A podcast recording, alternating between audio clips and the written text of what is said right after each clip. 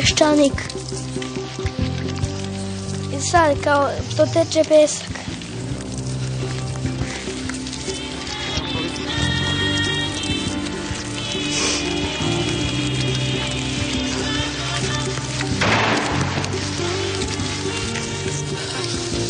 On je čovjek dosadan. I'm so sorry. On je čovjek dosadan čovjek. On je uvijek bio dosadan. Peščanik.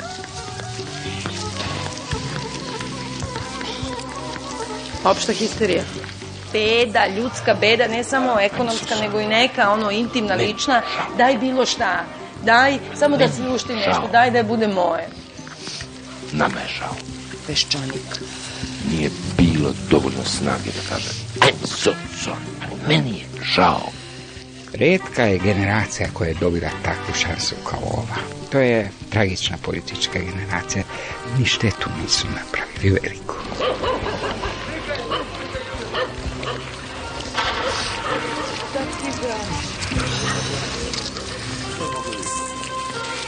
Peščanik.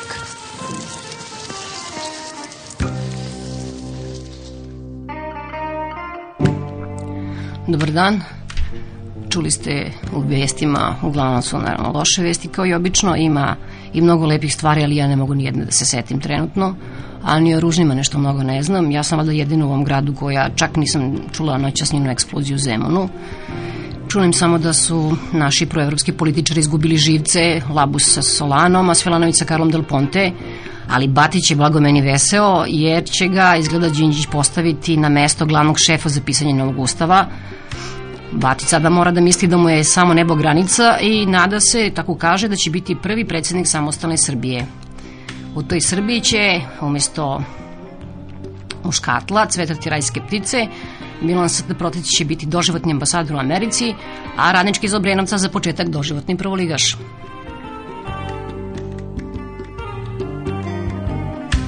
I kako će to Srbija biti? A za sad imamo premijera, odnosno nemamo ga, izgubio se negde, premijer na turbo pogon se odmara, a predsednik, eh, naša uspavana lepotica, izgleda kao i obično drema između dva kruga izbora. Može biti da su obojica bili uh, negde na slavi, na Svetom Nikoli.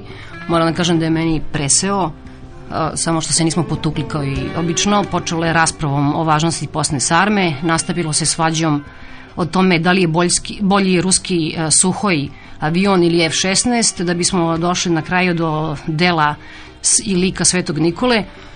Ja sam se usudila da kažem da je bio dosta prgav čovek kad je bio mlad, da je jedini koji se na Vaseljenskom saboru u Nikeji potukao, odolamio je nekog Arija, onda su ga naravno izbacili iz arhijerejske službe i onda su gosti tali da me linčuju i mama me je spasla.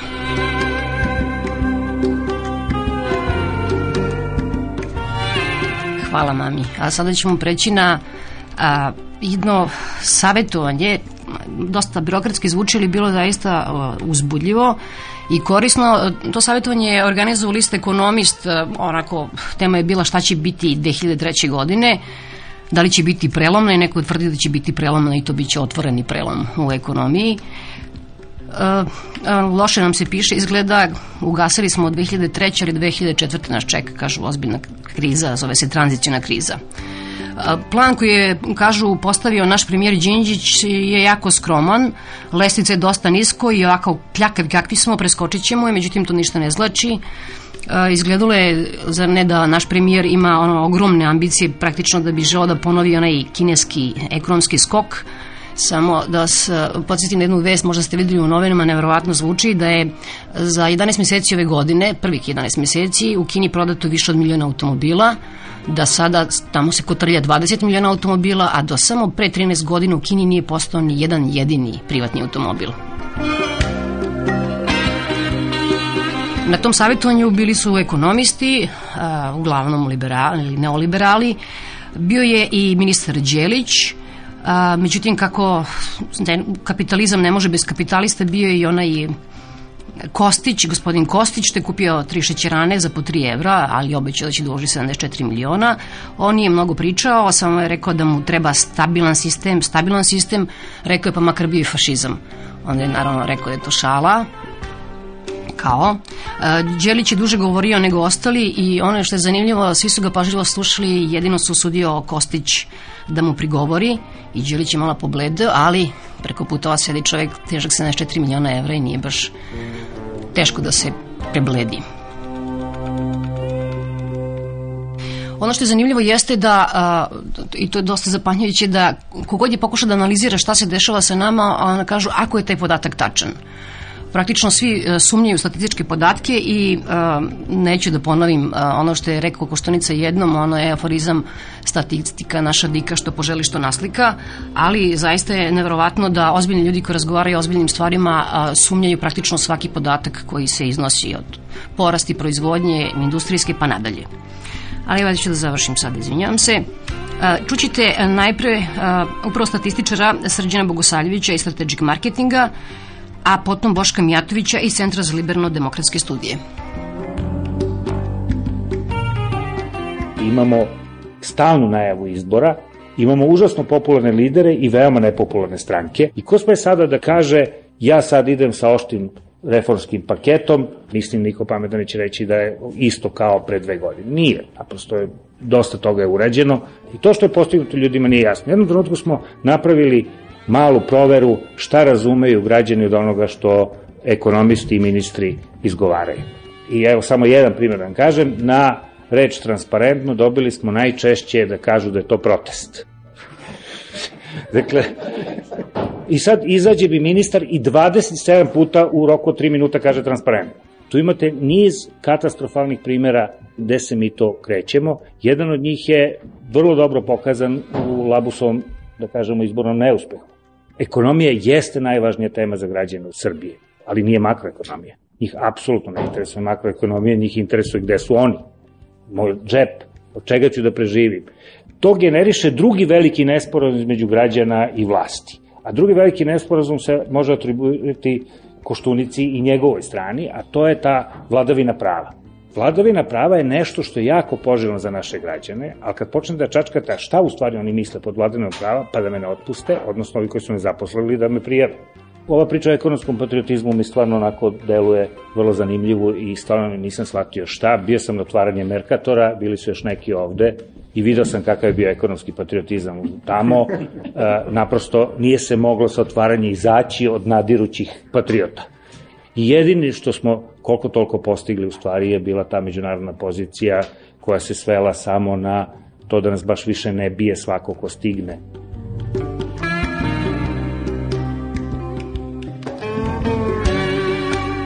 Na čelu vlade je čovek kome ja, ja verujem da, da želi da modernizuje Srbiju, da je uvede u Evropu u 21. vek, u svet, ali koji ne razume dovoljno dobro ekonomiju i mehanizme funkcionisanja tržične ekonomije i koji više nastupa kao Petar Veliki nego kao pravi ekonomski reformator sa početka 21. veka. A demokratska stranka Srbije kao stranka desnog centra mogla bi zaista, pa možda i morala da podrži takvu jednu viziju tržične ekonomije, ali se ona zaplela u socijalnu demagogiju, što se može shvatiti pa možda i prihvatiti sa političkog stanovišta, sa stanovišta njenog rejtinga i reakcije na politiku vlade, ali ukoliko se zaista veruje da je to njena prava pozicija, onda to nije dobro. Ja se nadam da je samo neiskrena, a ne i stvarna. Bio Boško Mijatović iz Centra za liberalno-demokratske studije koje njegovi protivnici socijaldemokrate uglavnom zovu neoliberalnim talibanom, ekonomski naravno. A sada ćete čuti razgovor koji sam vodila sa Vladimirom Gligorovim. On je, on jeste i kolumnista lista Ekonomist, ali je mnogo važniji da je on vodeći ekonomski stručnjak za Zapadni Balkan pri Međunarodnoj institutu za ekonomske studije u Beču. On je učestvovao u pisanju izveštaja OECD-a o našoj zemlji. Znate da se naš premijer stalno hvali da ako ne verujemo njemu, kako nam dobro stvari idu, da treba da verujemo ocenama međunarodnih finansijskih institucija koje stalno hvale postignuće nove vlasti, to jeste njegova i čak je na ovaj skup uh, Đelić koji je došao, odnosno malo zakasnio, počeo govor tako što se pohvalio da je delegacija opet uh, Savjeta bezbednosti pohvalila uh, našu tranziciju. Uh, evo, za, Vladimir Glugorov odgovara najpre da li i koliko treba verovati u te pohvale i šta one zapravo znači.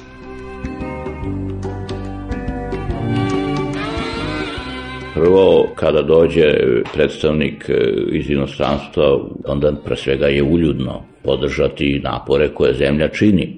Drugi aspekt je taj da postoji percepcija rđava o ovoj zemlji. To nije percepcija samo Miloševića, nego na kraju kraja Milošević je ipak funkcionisao u svom društvu i nije baš izgledalo kao da ga to društvo odbacuje, I u odnosu na to, naravno, onda se podržava ono što bi ipak moglo da ga izgleda drugčije i to je u redu.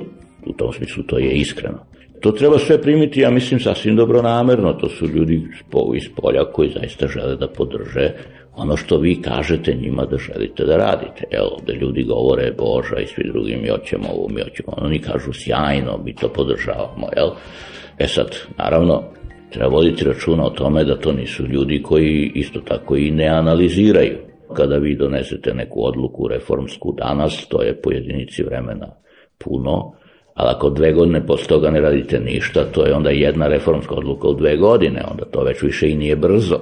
Taj zastoj je zapažen. Tu jeste jedan problem i sa ovom vlašću, što ona misli da malo može propagandom da postigne više nego što u stvari propaganda može i to je greška i u odnosu na inostranstvo, jer jeste da oni nemaju mnogo vremena da obraćaju pažnju na ovu zemlju, ali onoliko koliko imaju, ipak vide šta je šta. A što se tiče javnosti ovde i, i građanstva, ovde je propaganda teško prolazi, ovo je narod prilično ciničan iz iskustva, tako da ne znam koliko oni imaju uspeha s tim. Vladimir Gligorov je jedan od onih ljudi koji tvrdi da u Jugoslaviji, odnosno u Srbiji, e, reformi jedva da ima, odnosno praktično nema, a jedan je ljudi koji insistira na tome da ne postoji uopšte i strategija reformi. Sad šta se krije za te dosta birokratske sintagme? Ideja je bila da je potrebno kupiti podršku ljudi posle 5. oktobra pa su obećavane jesu ispunjene obaveze prema penzionerima, pa prema zaposlenima, povećavane su plate, do dana današnjeg u stvari se neprestano priča o povećanju plate, a šta više ne samo da ne treba da raste, nego treba i da se nešto seče. Znači, mora sada da dođe penzijska reforma, da penzioneri primaju manje, jer je prosto taj račun veliki, može da se smanjuje broj zaposlenih u javnom sektoru, znači ne samo se ograničaju plate, nego da se smanjuje u stvari javne obaveze značajno, to je problem koji pokazuje da je strategija koja je prvobitno postojala, a ta je da se kupi podrška pa da se onda dobiju izbori pa ponovi mandat pa ćemo posle ovo, se pokazala pogrešnom, jel? Sad, to je samo u jednoj stvari. Onda uzmete privatizaciju.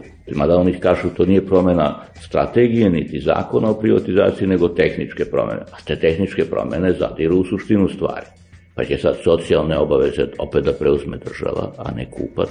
To je logično, solidarnost je društvena stvar, a ne kupca. A drugo je pitanje sad gde će se pa opet za to naći novaca, kada evo sad treba to da se, javni izdaci treba da se smanjuju, jel?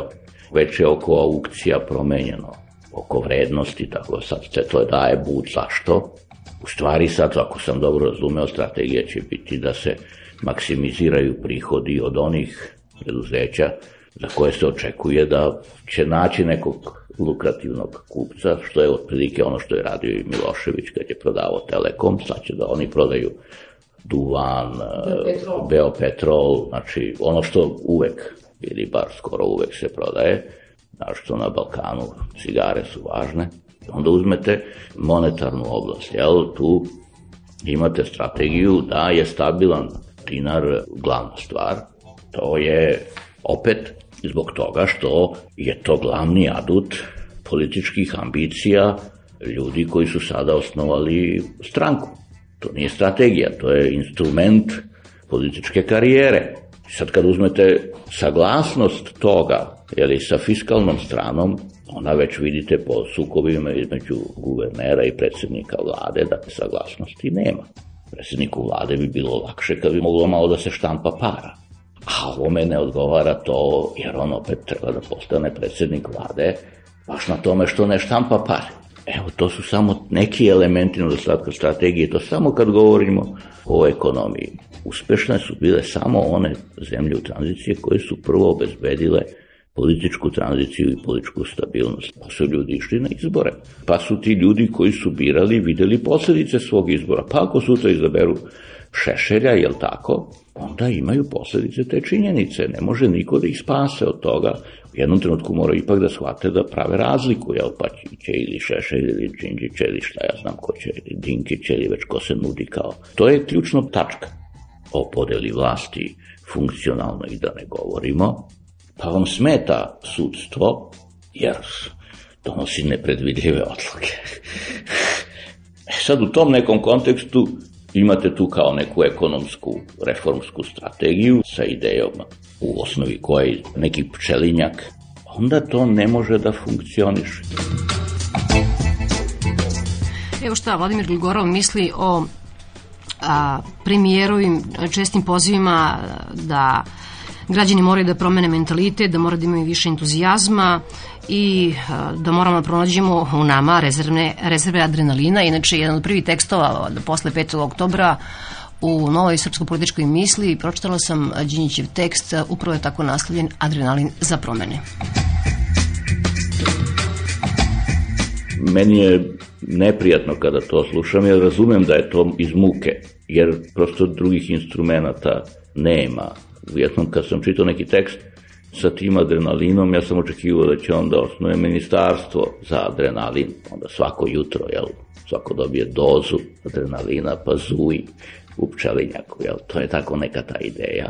To nije toliko samo posljedica neznanja, jer daleko sam od toga da mislim da, da on ne zna, on je čovek koji dosta stvari zna, nego jeste posljedica jedne situacije takva kakva jeste u ovoj zemlji, gde na oruk ne može, Bog zna šta da se uradi, a iz nekog razloga njegova politička sudbina jeste vezana za to da se nešto uradi brzo, spektakularno, jer na duži rok e, ili na neki normalan rok to što on i njegova stranka imaju relativno male mogućnosti da budu bilo šta drugo nego nekakav koalicioni partner na vlasti. To je taj nesklad koji tera u čitavu tu stvar. Jel? Ne može nikad čovjek da očekuje da u Srbiji neka liberalna stranka recimo dobije 51%. Ne može ni 20% ali može da bude značajan koalicioni partner i da onda utiče na one stvari gde liberali u stvari mogu da utiču. E sad, to nekome ko hoće da bude predsednik vlade nije dovoljno. To ja razumem. Onda je to taj nesklad gde sad se traže neki drugi instrumenti, jel? Znači ne sad neka saradnja sa nekom partijom koja će da mobiliše te glasove i tako dalje da se bavi tim stvarima koje su od važnosti za većinu ljudi, a onda ovaj liberalni deo da drži tu nekoliko važnih pozicija ovaj, da bi moglo zaista nešto i da se uradi. U tom nekom, nekoj kombinaciji nešto da se uradi. Kao substitut za to izgleda da se javlja ta ideja nekakve radne akcije sa jakim propagandnim centrom, sa zidnim novinama i tako dalje. I to je otprilike to.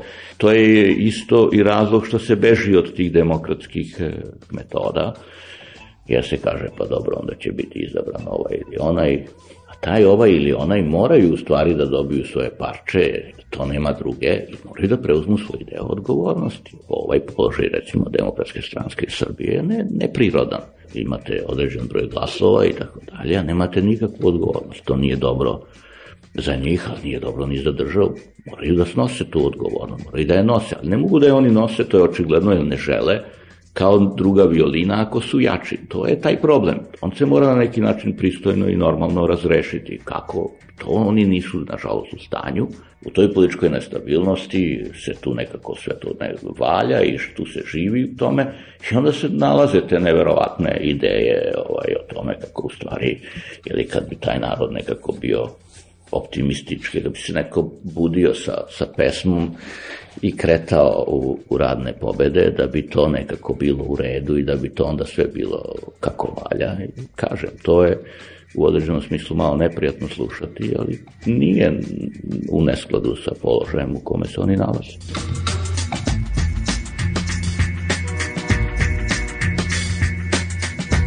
Da počnem sa demokratskom strankom Srbije.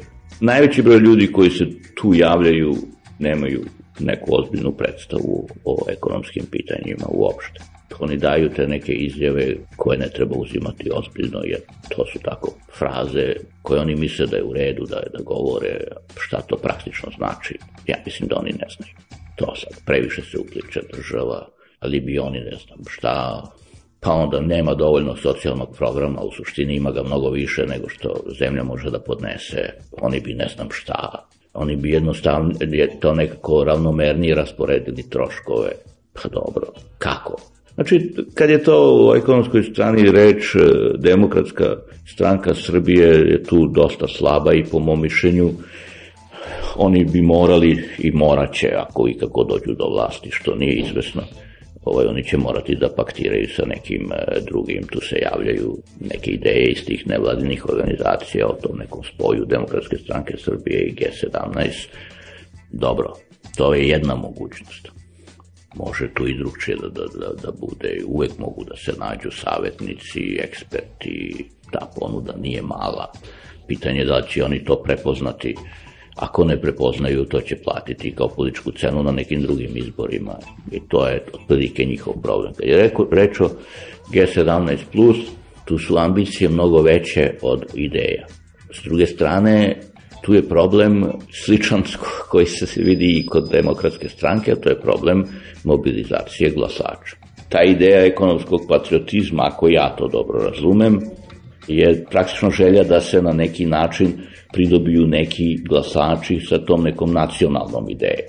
U osnovom u G17 plus ima ne mali broj nacionalista. To onako ubeđenih. To je ta ideja. Pa se zato, jeli, da treba druži se sa crkvom i sa prestolonaslednikom ili već šta je tačno on. I do sada ovo što je G17 radio je jedan skup raznih ideja iz raznih oblasti. Pa tu ima malo socijaldemokratije, pa tu ima malo liberalizma, pa tu ima malo nacionalizma, pa tu ima malo ekspertskog čudotvorstva. I lično mislim da bi bilo bolje, opet, jer oni sad najavljuju da hoće da pobede, da bi bilo bolje da oni ne teže tome, nego da teže da uzmu 10-15% glasova na nekom čistom programu. Čisti program se nikad naravno ne sprovodi ali čisti program je orijentir. I računamo na te ljude koji su spremni da za to glasaju, nadamo se da je to 10-15%, mlađih ljudi, profesionalnih ljudi, ljudi koji su gradski svet i tako dalje i tako dalje. To je naša nekakva izborna baza, a sad sa ovima drugima koji imaju neke druge interese i tako dalje, ćemo na neki način vidjeti kako da uđemo u koaliciju. To je po mom mišljenju racionalno.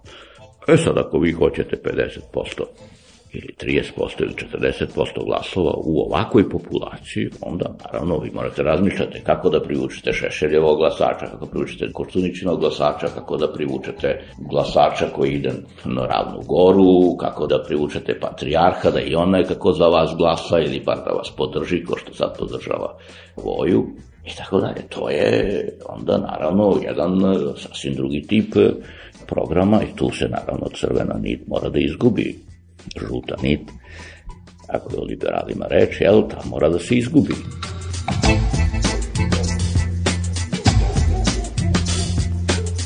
Urušavanje, na tome se radi zdušno, Milošević je svoj doprinos dao, ovi sada daju svoj, i onda se zaista javlja problem ko će iz toga da profitira. Ako ćemo pravo, Šešelj je bolje prošao u konkurenciji sa Koštunicom nego Labus, Već vam to nešto govori, jel?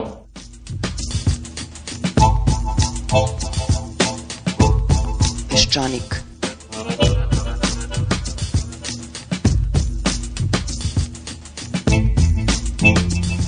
Bio je ovo ekonomista Vladimir Gligorov.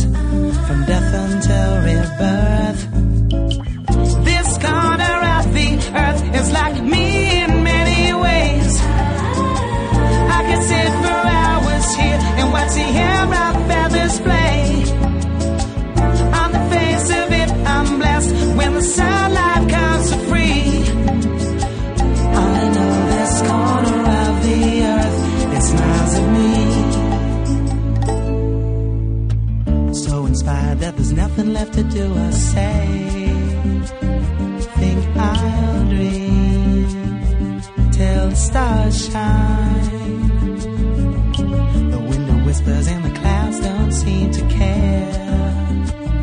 And I know inside that it's all mine. It's the chorus of the breaking dawn, the mist that comes before the sun is born. To a hazy afternoon in May. Nature's got me high and it's so beautiful. Deep eternal universe from death until rebirth. You know that this corner of the earth feels like me in many ways. I can sit for hours here and watch the air feathers play. On the face of it, I'm blessed when the sunlight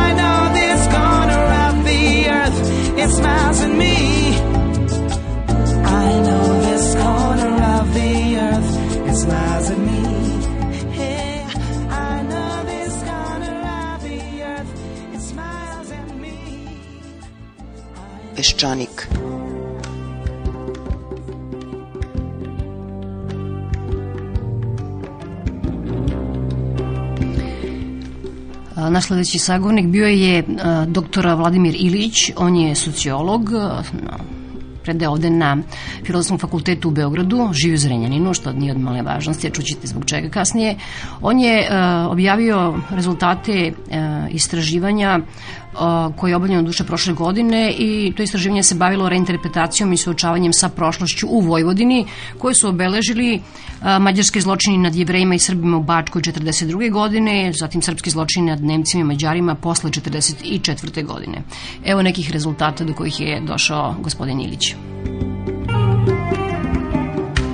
Prvi put u svim mojim istraživanjima etničke svesti i etničkih odnosa u Vojvodini postoji jasna razlika u vrsti i stepenu etnonacionalizma između Srba starinaca i Srba koloniste njihovih potomaka. Te razlike nikada ranije nije bilo.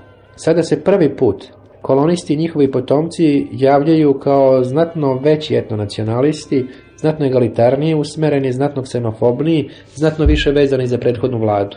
Znatno čvršći oslonac otpora reformama koje sadašnja vlada izvodi ili se predstavlja da ih izvodi. druge strane, kod Srba starinaca ne postoji ništa više kritičnosti prema zločinima koje su počinili pripadnici vlastite grupe. I za njih je Srebrenica samo jedan grad u Republici Srpskoj ništa više. Kod Mađara je stvar drugačija. Primetan je jedan realniji odmereniji pogled na zločine koje su počinili sami Mađari. Ostalo Mađari su za to bili pripremani u toku prethodnih nekoliko decenija jer su ti hortijevski zločini nad Srbima, Jevrejima i Romima zaista i predstavljali deo zvanične društvene kulture. Početkom 90. godina i tu je naravno sa erupcijom mađarskog nacionalizma, pre svega u Republici Mađarskoj. I tu se pojavila sklonost da se rehabilituju zločinci iz redova vlastite grupe i da se maksimiziraju zločini koji su počinjeni nad pripadnicima vlastite grupe. Pa je bilo pokušaja dosta otvorene rehabilitacije kruga ljudi oko Horti Mikloša, pre svega Betlena, Teleki Pala i još neki drugi. Povremeno je čak i sam Horti pokušavao da bude rehabilitovan. Međutim, ta vrsta rehabilitacije nacističkih saradnika i ljudi koji su objektivno odgovorni za zločine u Novom Sadu i Šajkaškoj nad Srbima, Jevrejima i Romima 42. godine, nije ioleš u većoj meri prihvaćena u svesti sadašnjih vojvođanskih Mađara. Kada Budimpeštanski instituti ispituju etničku svest Mađara u Mađarskoj, Vojvodini, Erdelju, Slovačkoj, Ukrajini, oni uvek nailaze na nalaz da su vojvođanski Mađari nacionalno najmanje svesni, da su više vezani za Vojvodinu nego za samu Mađarsku i da su u najmanjoj meri nacionalisti. Mađari su u tom pogledu, bez ikakve namere da ih idealizujem, znam im razne loše strane, Mađari su u tom pogledu posve pogodni za jedan racionalan politički dijalog. I to je mnogo prisutnije među mađarskim življem, a ja sam ispitivao Mađare baš iz onih mesta gde je komunistička vendeta 44. bila najizrazitija i gde je palo najviše mađarskih glava. Dakle, mnogo izrazitija ta sklonost ka racionalnom dijalogu kod njih, nego među etničkom elitom vojvođanskih Mađara, kulturnom elitom, medijskom elitom, političkom elitom. I u tom pogledu se izdvajaju i u odnosu na sve ostale Mađare iz podunavskog bazena, uključujući i one iz Republike Mađarske.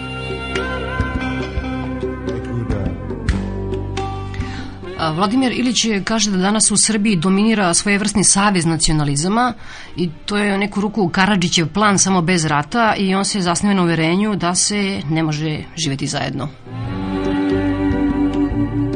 Ja samo kažem da je ovaj odnos uspostavljanja institucionalnih relacija između većinskog etniciteta i manjinskih zajednica kakav sad postoji u Srbiji našao svoj jasan model u programu koji su vreme da je posa izneli dr. Koštunica, profesor Čavoški i tadašnji docent dr. Ljušić.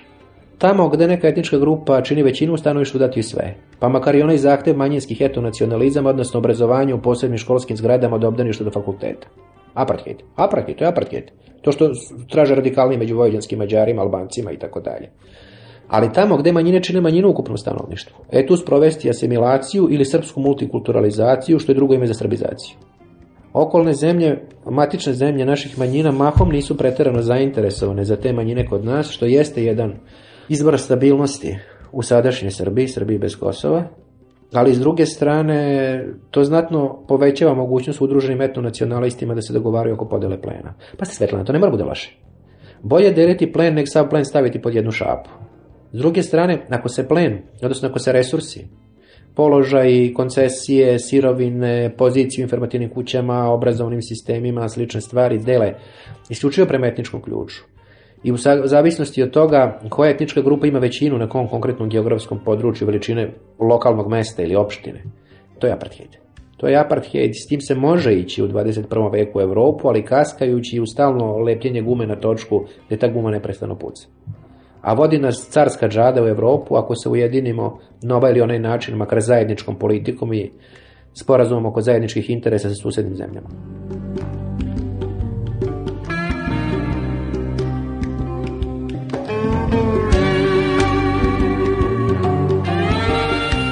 Većina njih su prvo strani plaćenici, budemo pošteni, pa samo fingiraju ekstremne desničare.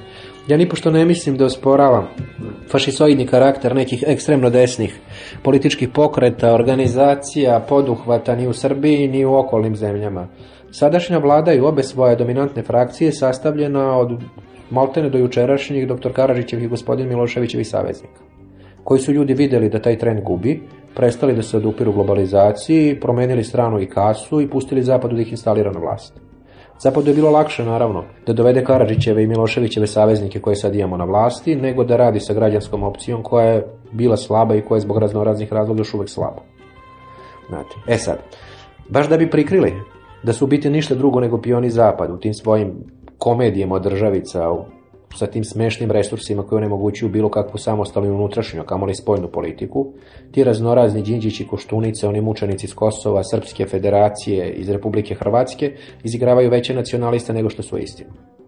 Znate, kad Koštunica preti da će anektirati Republiku Srpsku, možemo se samo neko smejati. Većina tog sveta su, sad govorim više o njihovom intelektualnom okruženju nego o praktično političkim delatnicima. Bili do jutros komunisti, znate, pa su se danas negde oko ručka pretvorili u nacionaliste, onda su negde u toku popodneva, koliko je sad 6 i 6 15 kad vodimo razgovor, shvatili da se isplati postati mondijalistom i brže bolje jurnuše u mondijalističku korpu. I hoće da uđu u veću korpu koja se zove Evropska unija. E sad druga je stvar što oni tu hoće da uđu kao Srbi na čelu sa Patrijarhom, Svetim Savom, Svetim ne znam nijakim, nekim bogonoscem, ajde, a neće da uđu u balkanskom paketu sa svojim prirodnim saveznicima. Znate, mi tako lako osuđujemo ekstremno desnicu, oni su mučenici. I treba razumeti i govorim bez trunki ironije, njih treba žaliti. Pa juče su bili komunisti. Znate, najteže prvi put promeniti verom. Posle to ide kod šale. To je jedna stvar. Drugo, pomislite na ovaj haos Božji koji kod nas postoji. Karadžićev saveznik i to koji je obnovio čovjek savezništvo sa Karadžićevom strankom ove godine nam šef države, njegova ekscelencija. A doveden uh, američkim parama i logistikom na vlast, pa zamislite koje je to mučenje, istinsko mučenje za sav taj svet koji da bi ostao ovde mora da se oslanja na zapad, a koji ipak hoće da očuva neki identitet nacionalno osvešćenih ljudi. I onda se siroti dernjaju, znate, i viču, to je lep izraz srednjasku, oni viču da su nacionalisti. Ma nisu, oni su to samo bili. Oni su niko i ništa. Oni su niko i ništa. Inače, oni u izbisnom smislu i dobro rade. Da njih nema sa tim njihovim lupetanjima u desnom ekstremizmu, ko bi od nas sa druge strane uspeo da dobije neki grant od stranih nevladinih organizacija. Znate, oni su nam naravno tu nelojalna konkurencija, ali s druge strane stvaraju privid realne nacionalističke opasnosti. Ovo nije, ovo je sad samo jedna otužna agonija. Pa ste Svetlana, eto nacionalizam je još kako raširen u Srbiji. On je rašireniji danas nego za Miloševićevog akta. Ali on je jako izgubio na intenzitetu. Izgubio na intenzitetu, uvukao se u sve pore društva. Postoje do te mere raširen da je praktično neprepoznatljiv. Prodaju porodicu, prodaju nauku, prodaju univerzitet, prodaju državnu upravu. Ali to je mnogo više surogat onog etnonacionalizma koji je dovodio do krvi ranih 90. godina nego taj pravi pravcati, razrakoljeni Ratko Mladićevski etnonacionalizam. S onim je bar do dalje gotovo. A ovaj sad, evo, pokušava se snađe mučenik u izmenjenim okolnostima. Po ko zna koji put. Njima je stvarno teško. Pa čudilo bi me da ovi mučenici od preko puta nisu, kada su raspravili o velikoj, maloj, srednjoj, polusrednjoj Velter Srbiji, da nisu konkurisali kod 15 stranih fondacija. Ako, o, ove grešnike iz akademije. A i da, ako nisu konkurisali, konkurisat će možda u ovih 13 dana koliko ima do kraja decembra, možda tek iduće godine. A to je trend. Pa šta rade? Šta rade? Pukne im e, teritorijalni program. Ode tamo negde 15, 20, 30 opština iz bivše krajine, iz zapadnog dela Bosanske krajine, iz istočne Slavonije, iz dela zapadne Slavonije. E lepo, oni nam onda dovedu Svetog Savu, pa ne radimo na Svetog Savu. Propadne jedan program svi Srbi u jednoj državi, oni koji nisu Srbi van iz države ili da se posrbe, šta onda da radimo? Pa oživimo ravnogorstvo preko polemika u štampi ili na elektronskim medijima. Mi smo sada u situaciji da smo izloženi jednoj jakoj etnonacionalističkoj kulturnoj kampanji. I kultura se javlja kao zamjena za stvarne teritorijalne poraze.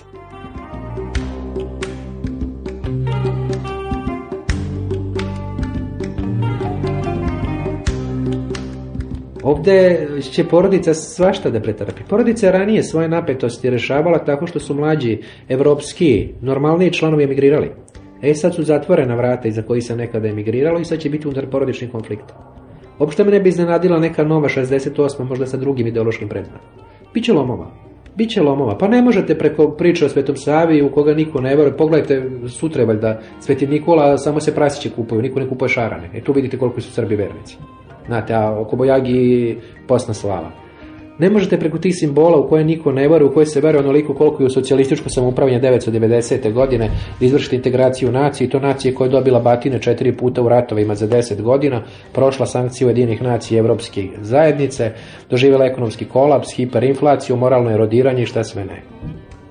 Biće lomova, znate. Pri čemu ne mislim da će ti lomovi poprimiti karakter oružanih sukoba ni unutra ni sa susjedima jednostavno zato što smo premali i preslabi da, da se tučemo. Mi smo niko i ništa. Mi bi bili neko i nešto da se povežemo s komšijama. Znate, e, ali da bi se povezali s komšijama morali bi reći da nije baš samo monopol žrtve kod nas, već da su i oni malčice bili žrtve. Sad ja pristupam potpuno praktično politički, iako i nisam nikakav političar, znači za političara postoji samo crno-belo, oni mi, prijatelj, neprijatelj. Oni jadnici ne mogu da se oslobode svog nacionalizma, a mi ne možemo da srušimo nacionalizam. Premoreni smo, zamoreni smo, sluđeni smo, mrzovoljni smo, siromašni smo, ni za šta nismo. Srbijica ova na tri morave je preumorna da se nacionalizma ratosilja, a preumorni da s nacionalizmom nastavi. Evo je, sedi i posrće. Gde god pogledate, mislim, toliko ima iracionalnih poteza, iracionalnih odluka. A da šta? A da šta? Pa se šta se nama dešava prvo na individualnoj ravni. Mi smo ko privatna lica, kaže mi mislim na svet stario 35 godina ovde. Doživjeli dva sumraka bogova. Programirali nas, edukovali, vaspitavali da živimo u jednom sređenom društvu i mi se pripremili za pravile igre u tom društvu. I onda dođe onaj užas, haos, košmar, 90, 92, 3, tako dalje. Pa ajde, prešaltuj se s jednog programa za koji si stvoren na drugi. Onda dođe 5. oktobar i nagla restauracija kapitalizma. Brže bolje treba napustiti stare modele na koje smo se tek upola navikli i preći na nove. Naravno smo mi sluđeni. Mi smo sluđeni, ne možemo biti potpuno racionalni.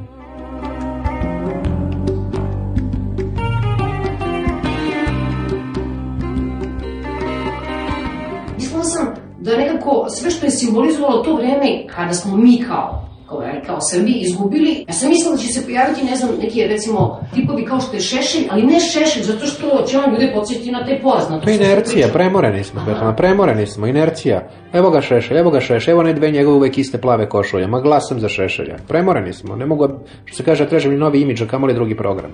Ja ne znam koliko svet to uočava, da je Srbija pre svega strašno, strašno premorena, znate. Nesposobna i za neki konkretni destruktivni potencijal u regionu, a pogotovo nesposobna da posluži kao agens konstruktivnih promena.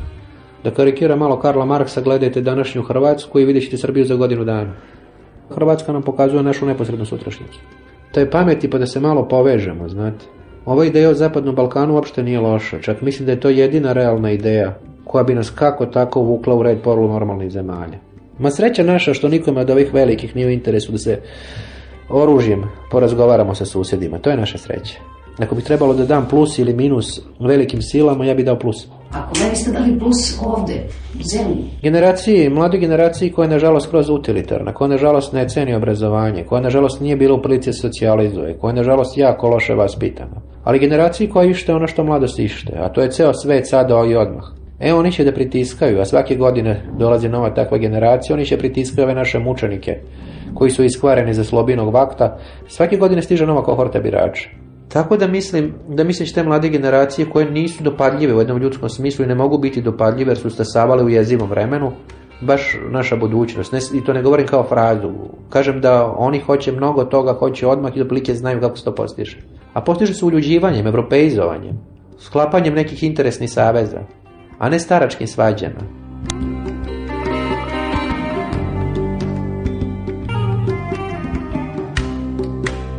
posle 5. oktobra koji je u dva ili tri pogleda zaista revolucija, ne samo niti jedino puč, mada je i puč, a ne samo revolucija, naglo je počeo da se nadoknađuje za ostali razvoj. Restauracija kapitalizma je jako brza.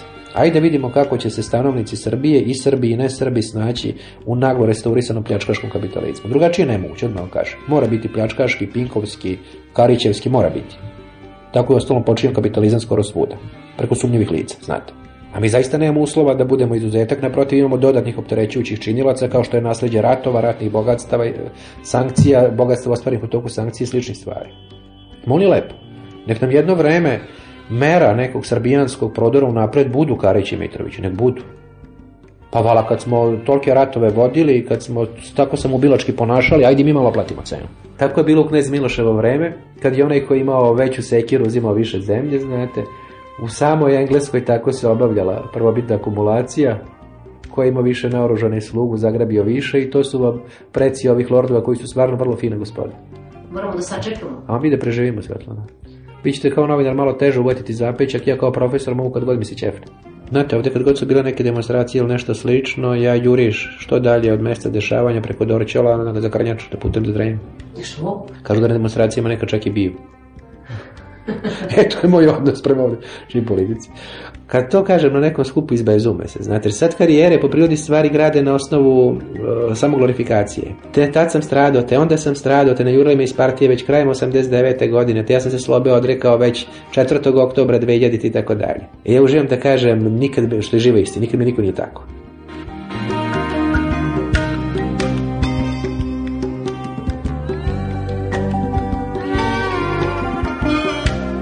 Imate kod Ićpora Ninkovića divno to napisano, čekajte, to moja žena često citira.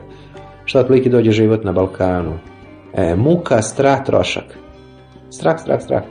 Kada će ova nova vlada imati pameti da dozira te svoje restauracijske zahvate u meri podnošljivosti, u meri izdrživosti stanovništa. Ako narod uvati socijalna panika, bit će loše, ali ja mislim da narod još ima dosta rezervi i da ne postoji kritična masa stvarno siromašnih kod nas. A ovi ostali će i dalje, što se kaže, biti lišeni mogućnosti da zamene belu tehniku, a za hleb će imati. Tamo nek ide napred reforma. Nek ide napred reforma. Možda jednom u Beogradu naši budu izdavali neke šengenske vize nekim učenicima iz istočnih zemalja. Da li ćemo vi ja doživjeti, nemam pojma. Šta je, delam ko pesimista? Ja mislim da nisam rekao ni jednu crnu stvar. Sam rekao plike šamaraći nas da se uljudimo. I mi ćemo se uljuditi.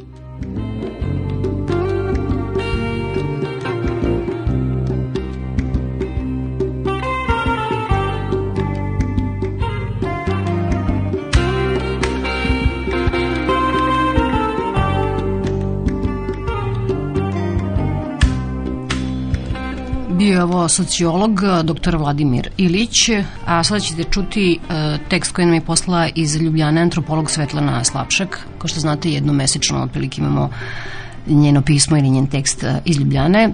Ona tamo predaje e, na univerzitetu i jednog dana je držala svojim studentima kurs o boginjama i sveticama ratnicima.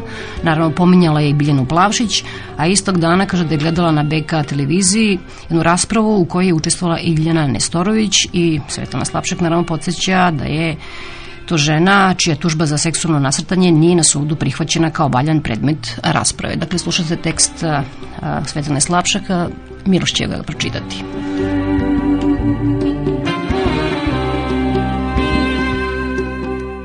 Ljiljana Nestorović je iznala zanimljivu tezu, da je Biljana Plavšić jedina koja je do sada priznala krivicu za ratne zločine u Jugoslovenskom ratu, budući da je žena, bila spremnija da se suoči sa realnošću. I premda sama misli da to ne treba da utiče na smanjenje plavšičkine odgovornosti, niti smanjenje kazne, što je svakako hrabra izjava u Beogradu, Ljiljana Nestorović postiče žene da i o tome razmišljaju.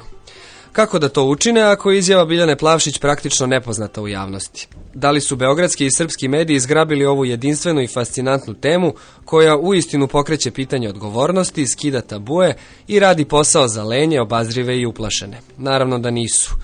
Težinu je dobilo jedino razmatranje hoće li Plavšićka svedočiti protiv Miloševića ili ne. Uznošenje u visoke pravne i etičke sfere, poniranje u koncepte legalizma i zakonskih dometa, međunarodno pravo u svim finesama. Ukratko, pokrenuto je sve što se uopšte može postaviti kao problem, sem osnovnog pitanja. Šta je osuđeni radio da bi bio kažnjen? Ovaj savršeni nesklad u obradi tema zaslužuje tačnije ime. Reč je o perverziji. Građani su naprosto opljačkani i lišeni prava da o informacijama presuđuju na osnovu koliko toliko prihvatljive i objektivne predstave o stvarima koje se događaju. Autocenzura većine ljudi u medijima i oko njih dobila je uistinu kancerozne oblike, čije posljedice na javni razum i građansku svest mogu od sadašnje situacije pa nadalje imati samo katastrofalne posljedice. Situacija nije mnogo daleko od one krajem 80-ih, kada su slična cenzura, lokalna trka za vlast i neprimjerena veličina medijske mreže u bivšoj Jugoslaviji doveli do medijskog rata direktne pripreme za pravi. Možda danas novinari ne pripremaju građane za rat, ali sasvim izvesno vaspitavaju javnu glupost koja je uvek spremna za rat. Nije reč samo o tome da se trivializuju ozbiljni razgovori, niti o tome da se uporno favorizuju stvaraoci i ličnosti za koje se zna da će u lakrdiju ili bljutavost pretvoriti svaku temu. Već i o tome da se ne samo izbegavaju, nego se i medijski stigmatizuju ličnosti koje izvesno imaju drugačiji pristup. U normalnim okolnostima mediji bi užurbano tražili ono što se na zapadu zove kontroverzna ličnost. Nekoga ko ne misli kao većina, nekoga ko se izdvaja, a u najboljem slučaju provocira većinu. U srpskim medijima zvezde su oni koji uporno glade većinu ni zlaku, a ne libe se ni ljubljenja u krvlju umazanu njušku zveri, koja je postala imaginarno srpsko kućno ljubimče. Počinioca ili branioca principa da ubistvo drugoga ima smisla i opravdanja.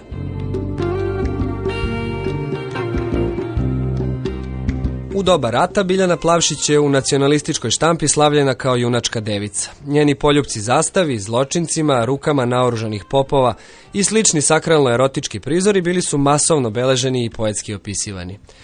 No, ni opoziciona štampa nije vređala Biljanu Plavšić, njen fizički izgled ili navike. Najgore što se o njoj reklo bilo je da je nepopustljiva, gvozdena, čelična i tako dalje.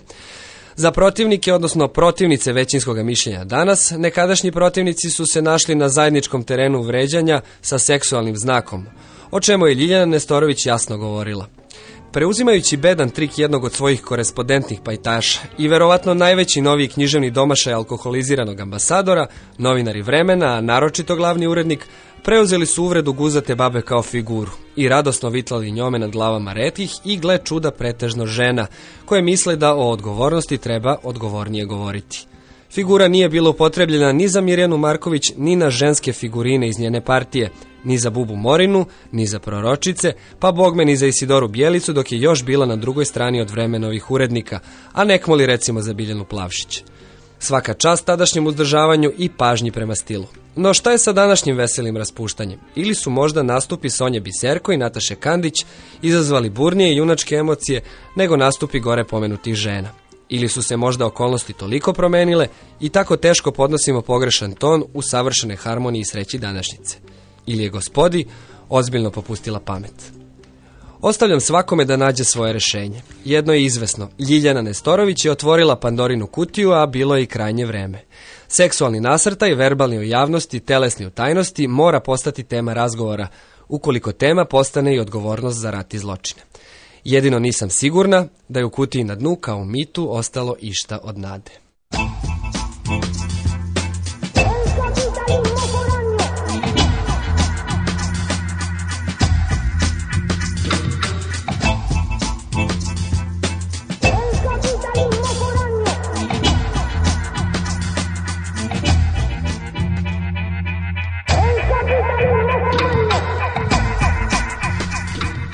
Ste šta Svetlana Slapšak misli o novinarima u Srbiji.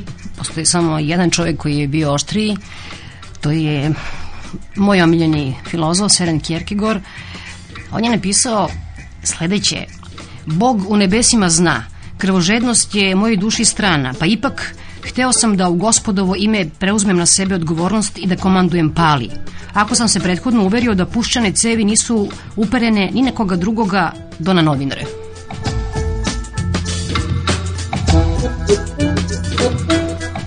On je tvrdio da dokle god postoje novinari hrišćanstvo je nemoguće, ali Kierkegaard se zna, poznato je, bio je prilično lud. I da budem politički korektna, zdrav razum mu nije bio jača strana. Bila ovo emisija Peščanik. Slušali ste između ostalih i Vladimira Gligorova, ekonomistu, sociologa Vladimira Ilića i komentara Svetlane Slapšak. Hvala vam što ste slušali emisiju Peščanik. Prijetno. Peščanik.